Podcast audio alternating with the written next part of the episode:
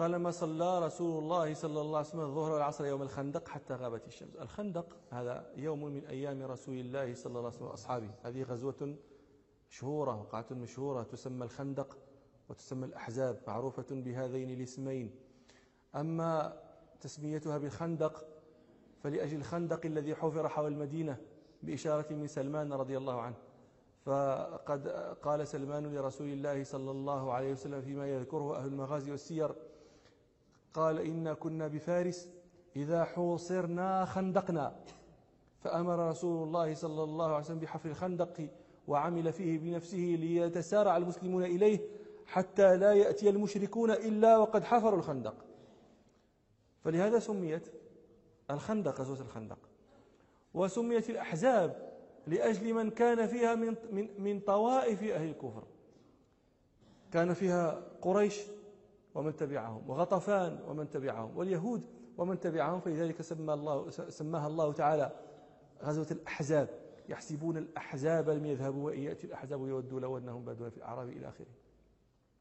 وغزوة الخندق كانت سنة خمس وقيل سنة أربع والأصح أنها كانت سنة خمس.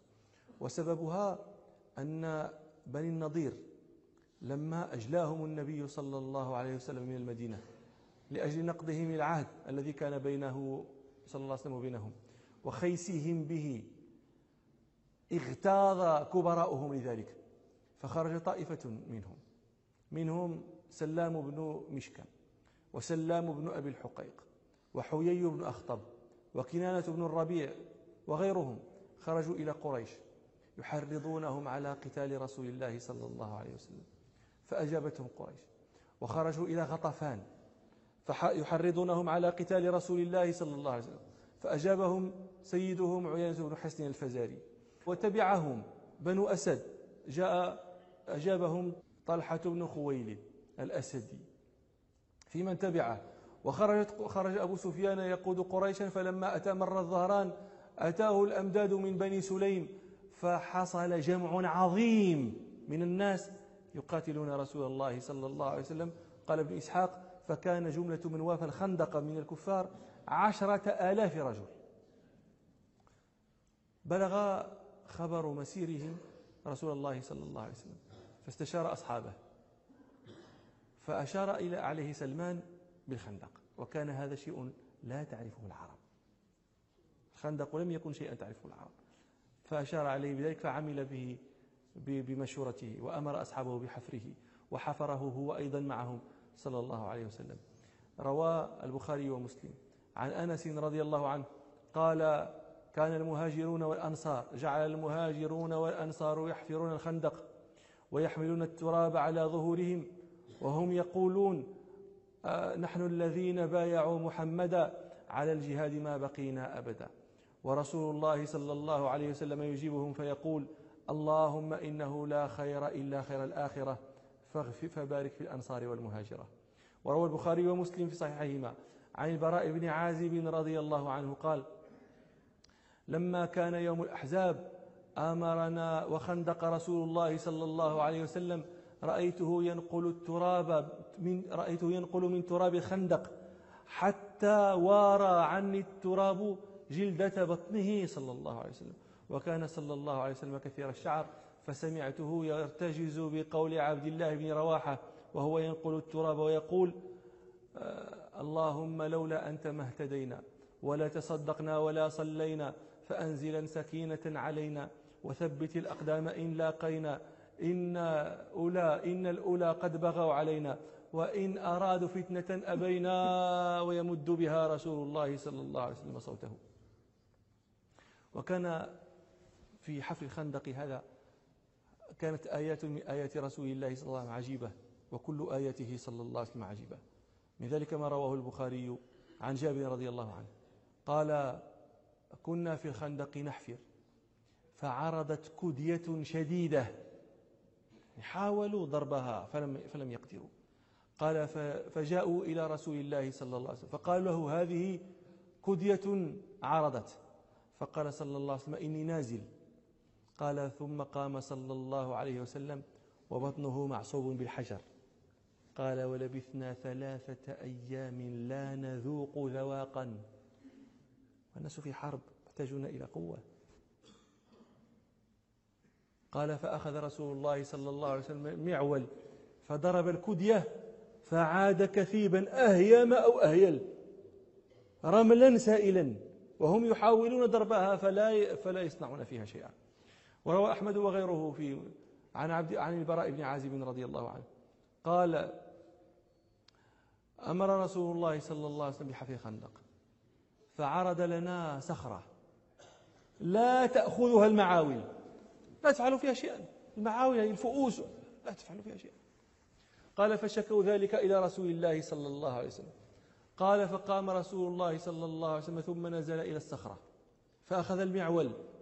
فقال بسم الله. ثم ضرب ضربة فكسر ثلث الصخرة. ثم قال الله أكبر. لقد أعطيت مفاتيح الشام. والله إني لأبصر قصورها, قصورها الحمر من مكان هذا. قال ثم قال بسم الله. فضرب ضربة أخرى. فكسر ثلث الصخرة. ثم قال الله أكبر لقد أعطيت مفاتيح فارس والله إني لأبصر المدائن وأبصر قصرها الأبيض من موضع هذا. قال ثم قال بسم الله فضربها ثالثة فألقى ما, ما, ما بقي منها. ثم قال الله أكبر لقد أعطيت مفاتيح اليمن والله إني لأبصر أبواب صنعاء من مكان هذا. وكان لهم طعام قليل لم يكن لهم إلا شيء في تلك الأيام لم يكن لهم إلا شيء قليل من الشعير. وهذا الشعير كانوا يخلطونه بسمن بدهن. قديم قديم قد تغير من شدة قدمه. له ريح منتنة فكانوا فكان يطبخ هذا الشعير مع ذلك الدهن. ويأكلونه على بشاعة طعمه ونتن ريحه. وهذا هذا الطعام على هذا الوصف الذي وصفته لكم ربما يجيء عليهم أيام فلا يجدونه فيها يطلبونه ولا يجدونه فيأكلون تمرا إن وجدوه وأحيانا قد لا يجدون هذا ولا يجدون هذا. وقد سمعتم في حديث البراء لبثنا ثلاثة أيام لا نذوق ذواقا. روى البخاري ومسلم عن جابر رضي الله عنه قال لما حفر الخندق رأيت برسول الله صلى الله عليه وسلم خمصا شديدا. الخمص هذا دمور البطن. البطن ضامر من شدة الجوع. هكذا رأى بطن رسول الله صلى الله عليه وسلم. قال رأيت برسول الله صلى الله عليه وسلم خمصا شديدا. قال فانكفأت إلى امرأتي. فقلت هل عندك شيء؟ فإني رأيت برسول الله صلى الله عليه وسلم خمصا شديدا. قال فأخرجت لي جرابا لنا فيه صاع من شعير. وكانت لنا بهيمة داجي. قال فذبحتها وطحنت الشعير ففرغت إلى فراغي. هي فرغت من الطحن وأنا فرغت من الذبح والسلخ. فرغنا سويا. قال فقطعتها في برمتها ثم وليت إلى رسول الله صلى الله عليه وسلم. فقالت المرأة قالت له لا تفضحني برسول الله صلى الله عليه وسلم بمنعه. قال فجئته فساررته. قلت يا رسول الله إني ذبحنا عناقا كانت لنا. وطحنا صاع من شعير كان عندنا. فتعال يا رسول الله. أنت ونفر ممن معك. فصاح رسول الله صلى الله عليه وسلم. فصاح رسول الله صلى الله عليه وسلم. يا أهل الخندق إن قد صنع لكم جابر سؤرا فحي أهلا بكم. السؤر والطعام يدعى إليه. أخذه ما بعد وما قرب أهل الخندق. قال فجئت. وجاء رسول وقال النبي صلى الله عليه وسلم لما لما ذكر ذلك لأهل الخندق لما دعاهم قال لجابر لا لا تنزلن برمتكم ولا تخبزن عجينكم حتى أجيء. قال جابر فجئت. وجاء رسول الله صلى الله عليه وسلم يقدم القوم. فجئت امرأتي. فقالت بك وبك. يعني فعل الله بك وفعل الله بك فعل الله بك. تدعو عليه. لأنه بالنسبة لها فضحها مع النبي صلى الله عليه وسلم وأصحابه. أنت جيب لي الخندق كله وأنا قلت لك. فقال لها هو قد فعلت الذي قلتي يعني الزوجة النبوة أنا أدركتكش اللي قلت لي. في رواية خارج الصحيح في رواية عند الدارمي أنه لما أن جابرا لما دعا النبي صلى الله عليه وسلم ودعا النبي صلى الله عليه وسلم الناس جميعا قال فاستحييت حياء لا يعلمه إلا الله. فجئت إلى المرأة وقلت لها ثكلتك أمك. أتاك رسول الله صلى الله عليه وسلم بأصحابه أجمعين. فقالت له هل كان رسول الله صلى الله عليه وسلم سألك عن الطعام؟ قال قلت نعم. قالت فالله ورسوله أعلم. فقال لها فقال فذهب عني بعض ما كنت أجد وقلت لها صدقتي قال فلما جاء النبي صلى الله عليه وسلم أخرجت له شيئا من العجين. قال فبسق فيه صلى الله عليه وسلم ودعا. ثم عمد صلى الله عليه وسلم إلى إلى البرمة فبسق فيها ودعا. ثم قال جابر ادع خابزة فلتخبز معي واقدحي من برمتك. يعني النبي صلى الله عليه وسلم يخبز وهي الخابزة تخبز والمرأة تغرف من البرمة وتضع في الخبز. قال جابر وهم ألف. قال أقسم بالله لقد أكلوا حتى تركوه وانحرفوا. يعني مالوا عنه ما لهم بعد رغبة في طعام. قال تركوا وهم ألف. وأقسم بالله لقد أكلوا حتى تركوه وانحرفوا. وإن برمتنا لتغط كما هي. وإن عجيننا ليخبز كما هو. البرمة تغط مملوءة تفور باللحم كما هي.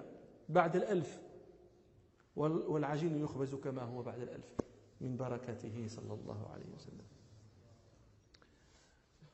وحفر الخندق قدام جبل سلع. هذا سلع جبل من جبال المدينة.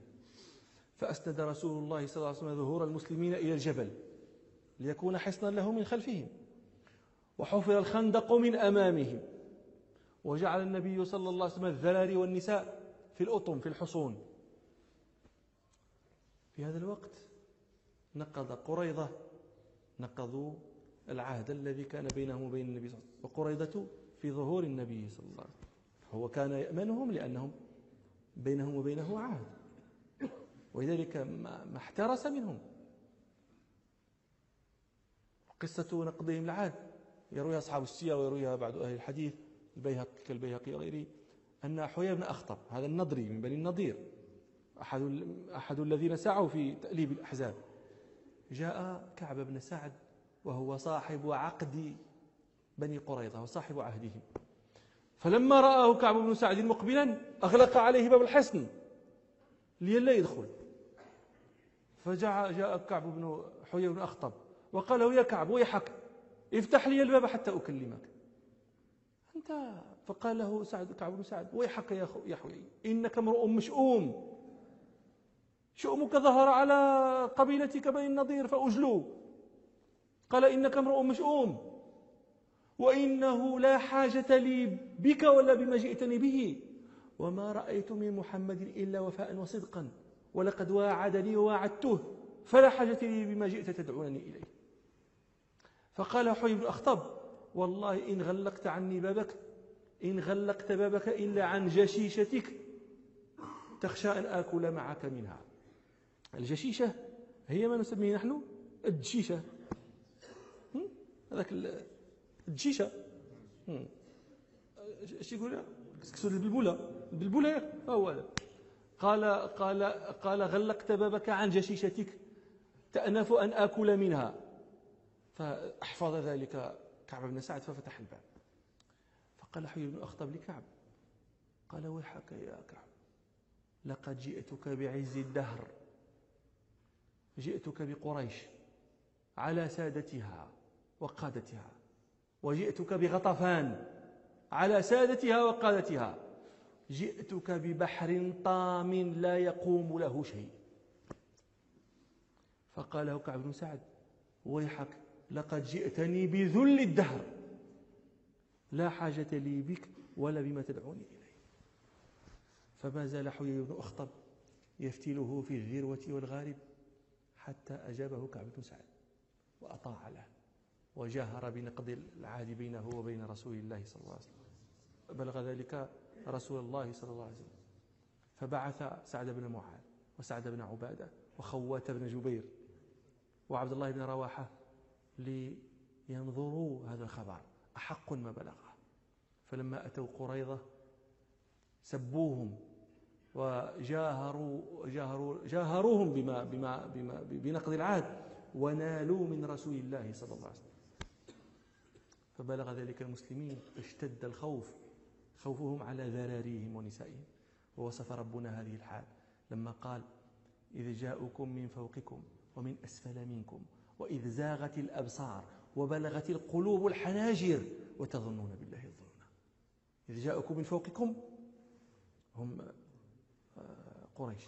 ومن أسفل منكم قريضة ويظن المنافقون بالله الظنون وصاروا يستأذنون يقولون إن بيوتنا عورة. وما هي بعورة إن يريدون إلا فرارا. لما رأى النبي صلى الله عليه وسلم اشتداد الشوكة شوكة المشركين وضعف المسلمين وقلتهم أراد أن يكسر شوكة المشركين. يروي الطبراني في معجبه الكبير عن أبي هريرة رضي الله عنه أن أن الحارث الغطفاني جاء النبي صلى الله عليه وسلم فقال يا محمد شاطرنا تمر المدينة. يعني شاطرنا تمر المدينة نرجع عنكم. فقال له النبي صلى الله عليه وسلم حتى أستأمر السعود. فبعث إلى سعد بن معاذ وسعد بن عبادة وسعد بن الربيع وسعد بن خيثمة وسعد بن مسعود. وقال صلى الله عليه وسلم لهم إني قد علمت أن العرب قد رمتكم عن قوس واحدة. وإن الحارث الغطفاني يسألكم أن تشاطروه تمركم. فإن رأيتم أن تدفعوا إليكم عامهم هذا حتى تنظروا في أمركم بعد. فقال سعد يا رسول الله إن كان وحيا من الله فتسليم لأمر الله. وإن كان عن رأيك وهواك فرأينا تبع لرأيك وهواك. وإن كنت إنما تريد الإبقاء علينا فلقد رأيتنا يا رسول الله ونحن وإياهم على السواء ونحن وهم على السواء. والله ما يطمعون في تمرة من تمر المدينة إلا بقرا أو بشراء. يعني إحنا وإياهم أهل الجاهلية نحن وإياهم سواء. لا يطمعون في تمرة إلا إن بعناهم إياها أو قريناهم إياها.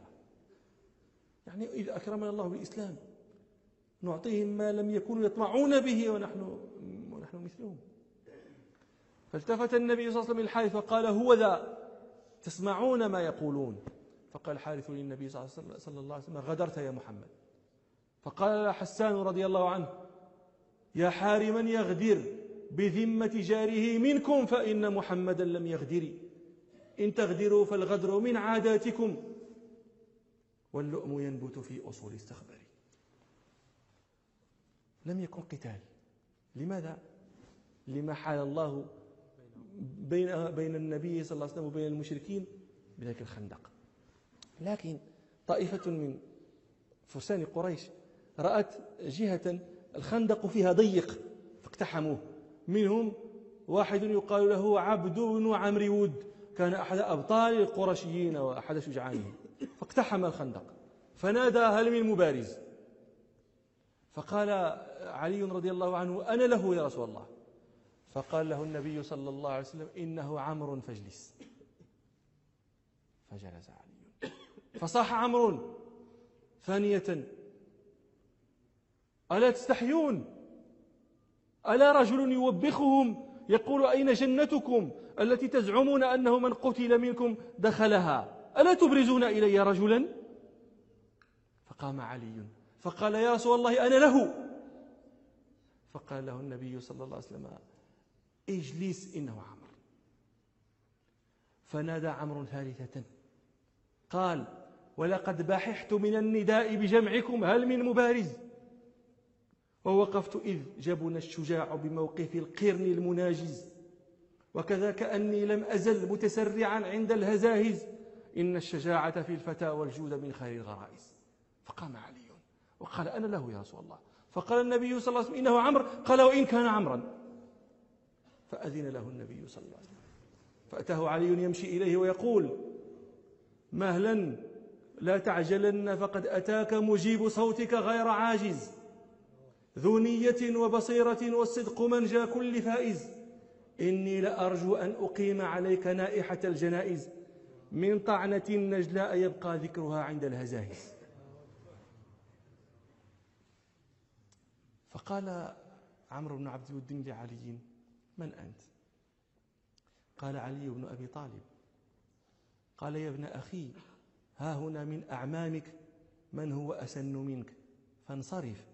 فإني أكره أن أهري قدمك فقال علي رضي الله عنه ولكني والله لا أكره أن أهري قدمك فغضب حينئذ عبد بن عمرو الدين وحمي وسل سيفه وأقبل يمشي نحو علي فضربه فاتقى علي الضربة الضربة بدارقته ف ف فشجت رأسه. وضربه علي على حبل عاتقه فسقط. فلما سمع النبي صلى الله عليه وسلم التكبير علم أن عليا قتل عمرا فرجع علي رضي الله عنه يمشي ويقول أعلي تقتحم الفوارس هكذا عني وعنه أخروا أصحابي. إن آه إني سيمنعني الفرار حفظتي ومصمم في الرأس ليس بنابي. آلا عمير آلا يعني حلف آلا عمير حين شد ألية. وأليت فاستمعوا من الكذاب. ألا يفر ولا أهلل فالتقى رجلان يضطربان كل ضراب. فصددت حين تركته متجدلا كالجذع بين دكادك وروابي وعففت عن أثوابه ولو أنني كنت المقطر بزني أثوابي. عبد الحجارة من سفاهة رأيه وعبدت رب محمد بصواب صلى الله عليه وسلم. لا تحسبن الله خاذل دينه ونبيه يا معشر الأحزاب ثم في هذا الله سبحانه وتعالى صنع لنبيه صلى الله عليه وسلم أمرا. هازم به الأحزاب وفل جموعهم وردهم خائبين. ذلك أن رجلا من غطفان يقال له نعيم بن مسعود أسلم ولا يعلم قومه بإسلامه.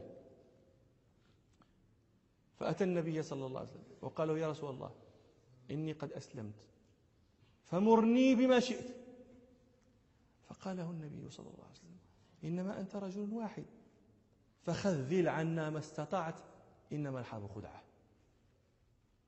فأتى النعيم بن مسعود بني قريظة وكان معاشرا لهم في الجاهلية.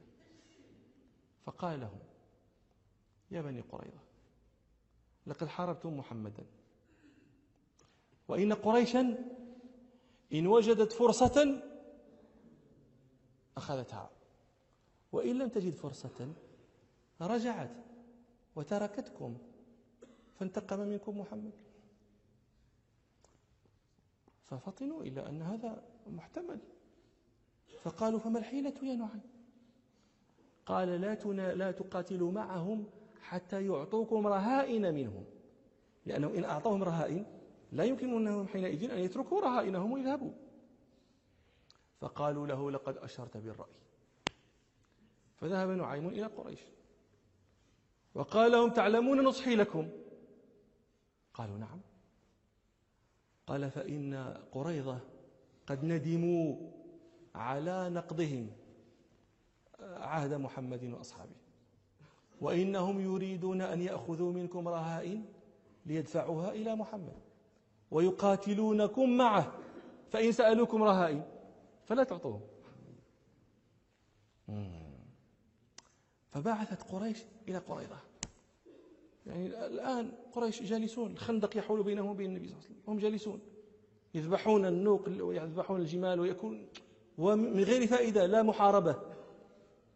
فبعثت قريش إلى قريظة وقالوا لهم إن في بلاد لسنا بأرض مقام. وقد هلك الكراع والخف. فهلم نناجز هذا الرجل. فبعثت قريظة إلى قريش. قالوا لهم نحن لا نناجزكم حتى تعطونا رهائن. فقالت قريش لما جاءها الخبر قالت قريش صدق ابن مسعود صدق نعيم بن مسعود. يسألونكم الرهائن. فقالوا لهم إنا لا نرسل إليكم أحدا فهلم نناجزه. فلما بلغ ذلك قريضة قالت قريضة هل صدقكم نعيم بن مسعود؟ هؤلاء لا يريدون أن يعطوا الرهائن. فتخاذل الفريقان. ثم بعث الله جندا من عنده ريحا شديدة هوجاء في ليلة مظلمة باردة. فجعلت آه، فقلعت خيامهم وأطفأت نيرانهم وأكفأت قدورهم حتى ضاقوا ذرعا وهموا بالرحيل. وهذا الذي يقول الله تعالى يا أيها الذين آمنوا اذكروا نعمة الله عليكم إذ جاءتكم جنود فأرسلنا عليهم ريحا وجنودا لم تروها يروي مسلم في الصحيح عن حذيفة بن اليمان رضي الله عنه. قال لقد رأيتنا ليلة الأحزاب مع رسول الله صلى الله عليه وسلم وأصابتنا ريح شديدة وقر قر البرد. فقال رسول الله صلى الله عليه وسلم ألا رجل يأتيني بخبر القوم جعله الله معي يوم القيامة؟ قال حذيفة فسكتنا فلم يجبه منا أحد.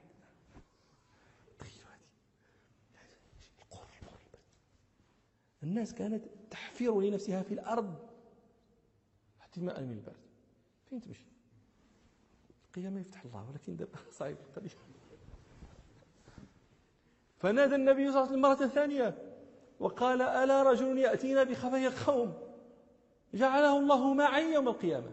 قال حذيفة فلم يجبه منا أحد. سكتنا فقال النبي صلى الله عليه وسلم قوم يا حذيفة فأتنا بخبر القوم قال حذيفة فلم يكن بد من أن أقوم لما دعاني باسمي. صعيب قال فقمت. فجعلت أمشي كأني في حمام.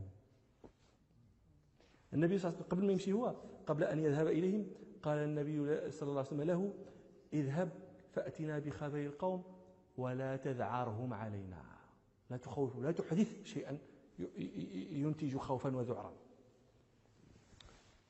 قال فذهبت فكأني أمشي في حمام.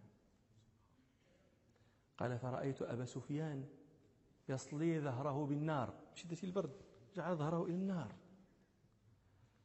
قال فجعلت سهما في قوسي. ثم تذكرت قول رسول الله صلى الله عليه وسلم ولا تدعرهم علي قال ولو رميته لأصبته قال ثم رجعت قال فلما رجعت وأخبرت النبي صلى رجعت كأني أمشي في الحمام. قال فلما رجعت وأخبرت النبي صلى الله عليه وسلم بخبرهم قويرت رجع البرد قال فغطاني النبي صلى الله عليه وسلم بفضل عباءة كانت عليه يصلي فيها. فنمت فلم أزل نائما حتى أصبحت. فلما أصبحت قال لي النبي صلى الله عليه وسلم قم يا نومان. وهذه شجاعة منقطعة النظر أن ينام الإنسان في اشتداد الوطيس. الحرب راه بين الناس تريد قتلك وأنت نائم. هذا دليل على الشجاعة. وإلا فالخوف الجبان هذا يطير فؤاده كيف ينام؟ وفي رواية عند البزار أن حذيفة رضي الله عنه قال قال للنبي صلى الله عليه وسلم قد سلط الله عليهم مثل مثل الذي علينا من البرد من الريح. لكننا نرجو ما لا يرجون. فكانت هذه الريح وتخاذل الفريقين كان سببا في أن نادوا بالرحيل وكفى الله المؤمن القتال ولم ينل الكفار خيرا. وقال ربنا هزم ربنا الأحزاب وحده ونصر عبده ونصر جنده. وهذا كان استجابة لنبيه صلى الله عليه وسلم. فقد روى البخاري ومسلم عن عبد الله بن أبي أوفى أن رسول الله صلى الله عليه وسلم دعا الأحزاب فقال اللهم منزل الكتاب سريع الحساب اهزم الأحزاب. اللهم اهزمهم وزلزلهم. لما انتهت حرب السيوف بدأت حرب الكلام. فقال ضرار بن الخطاب وكان في ذلك الوقت مشركا وسيسلم فيما بعد.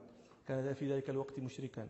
فذكر يذكر شأن الخندق وقتل سعد بن معاذ فيها. وقد تحدثنا عن عن عن موت سعد رضي الله عنه. قال يقول قصيدة يقول فيها ومشفقة تظن بنا الظنونا وقد قدنا عرندسة طحونا كأن زهاءها أحد إذا ما بدت أركانه للناظرين. ترى الأبدان فيها مسبغات على الأبطال واليلب الحصين وجردا كالقداح مسومات نؤم بها الغواة الخاطئين. أناس يقول هو إلى أن يقول أناس لا نرى فيهم رشيدا. وقد قالوا ألسنا راشدين. إلى أن يقول فلولا خندق كانوا لديه لدمرنا عليه أجمعين ولكن حال دونهم وكانوا به من خوفنا متعوذين. فإن نرحل فإنا قد تركنا لدى أبياتكم سعدا رهينا إذا جن الظلام سمعت نوحا على سعد يرجعنا الحنين. وسوف نزوركم عما قريب. كما زرناكم متآزرين بجمع من كنانة غير عزل كأسد الغاب قد حمت العرينة. فأجابه كعب بن مالك رضي الله عنه يقول له وسائلة تسائل ما لقينا ولو شهدت رأتنا صابرين. صبرنا لا نرى لله عدلا على ما نابنا متوكلين. وكان لنا النبي وزير صدق صلى الله عليه وسلم. به نعل البرية أجمعين. نقاتل معشرا ظلموا وعقوا وكانوا بالعداوة مرصدين. نعاجلهم إذا نهضوا إلينا بطعن يعجل المتسرعين. لننصر أحمدا والله حتى نرى حتى نكون عباد صدق مخلصين. ويعلم أهل مكة حين ساروا. وأحزابا أتوا متحزبين. بأن الله ليس له شريك وأن الله مولى المؤمنين. فإما تقتلوا سعدا سفاحا فإن الله خير القادرين. سيدخله جنانا طيبات تكون معدة للصالحين. وقال له في قصيدة أخرى من سره ضرب يمعمع بعضه بعضا كمعمعة الأباء المحرق فليأت مأسدة تسن سيوفها بين المذاد وبين جذع الخندق. إلى أن يقول ويعيننا الله العزيز بقوة منه وصدق منه وصدق الصبر ساعة نلتقي ونطيع أمر نبينا ونجيبه. وإذا دعا, وإذا دعا لكريهة لم نسبق.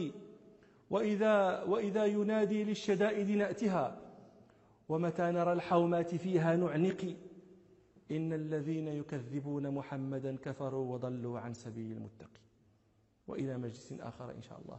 سبحانك اللهم وبحمدك أشهد أن لا إله إلا أنت أستغفرك وأتوب إليك. الحمد لله رب العالمين.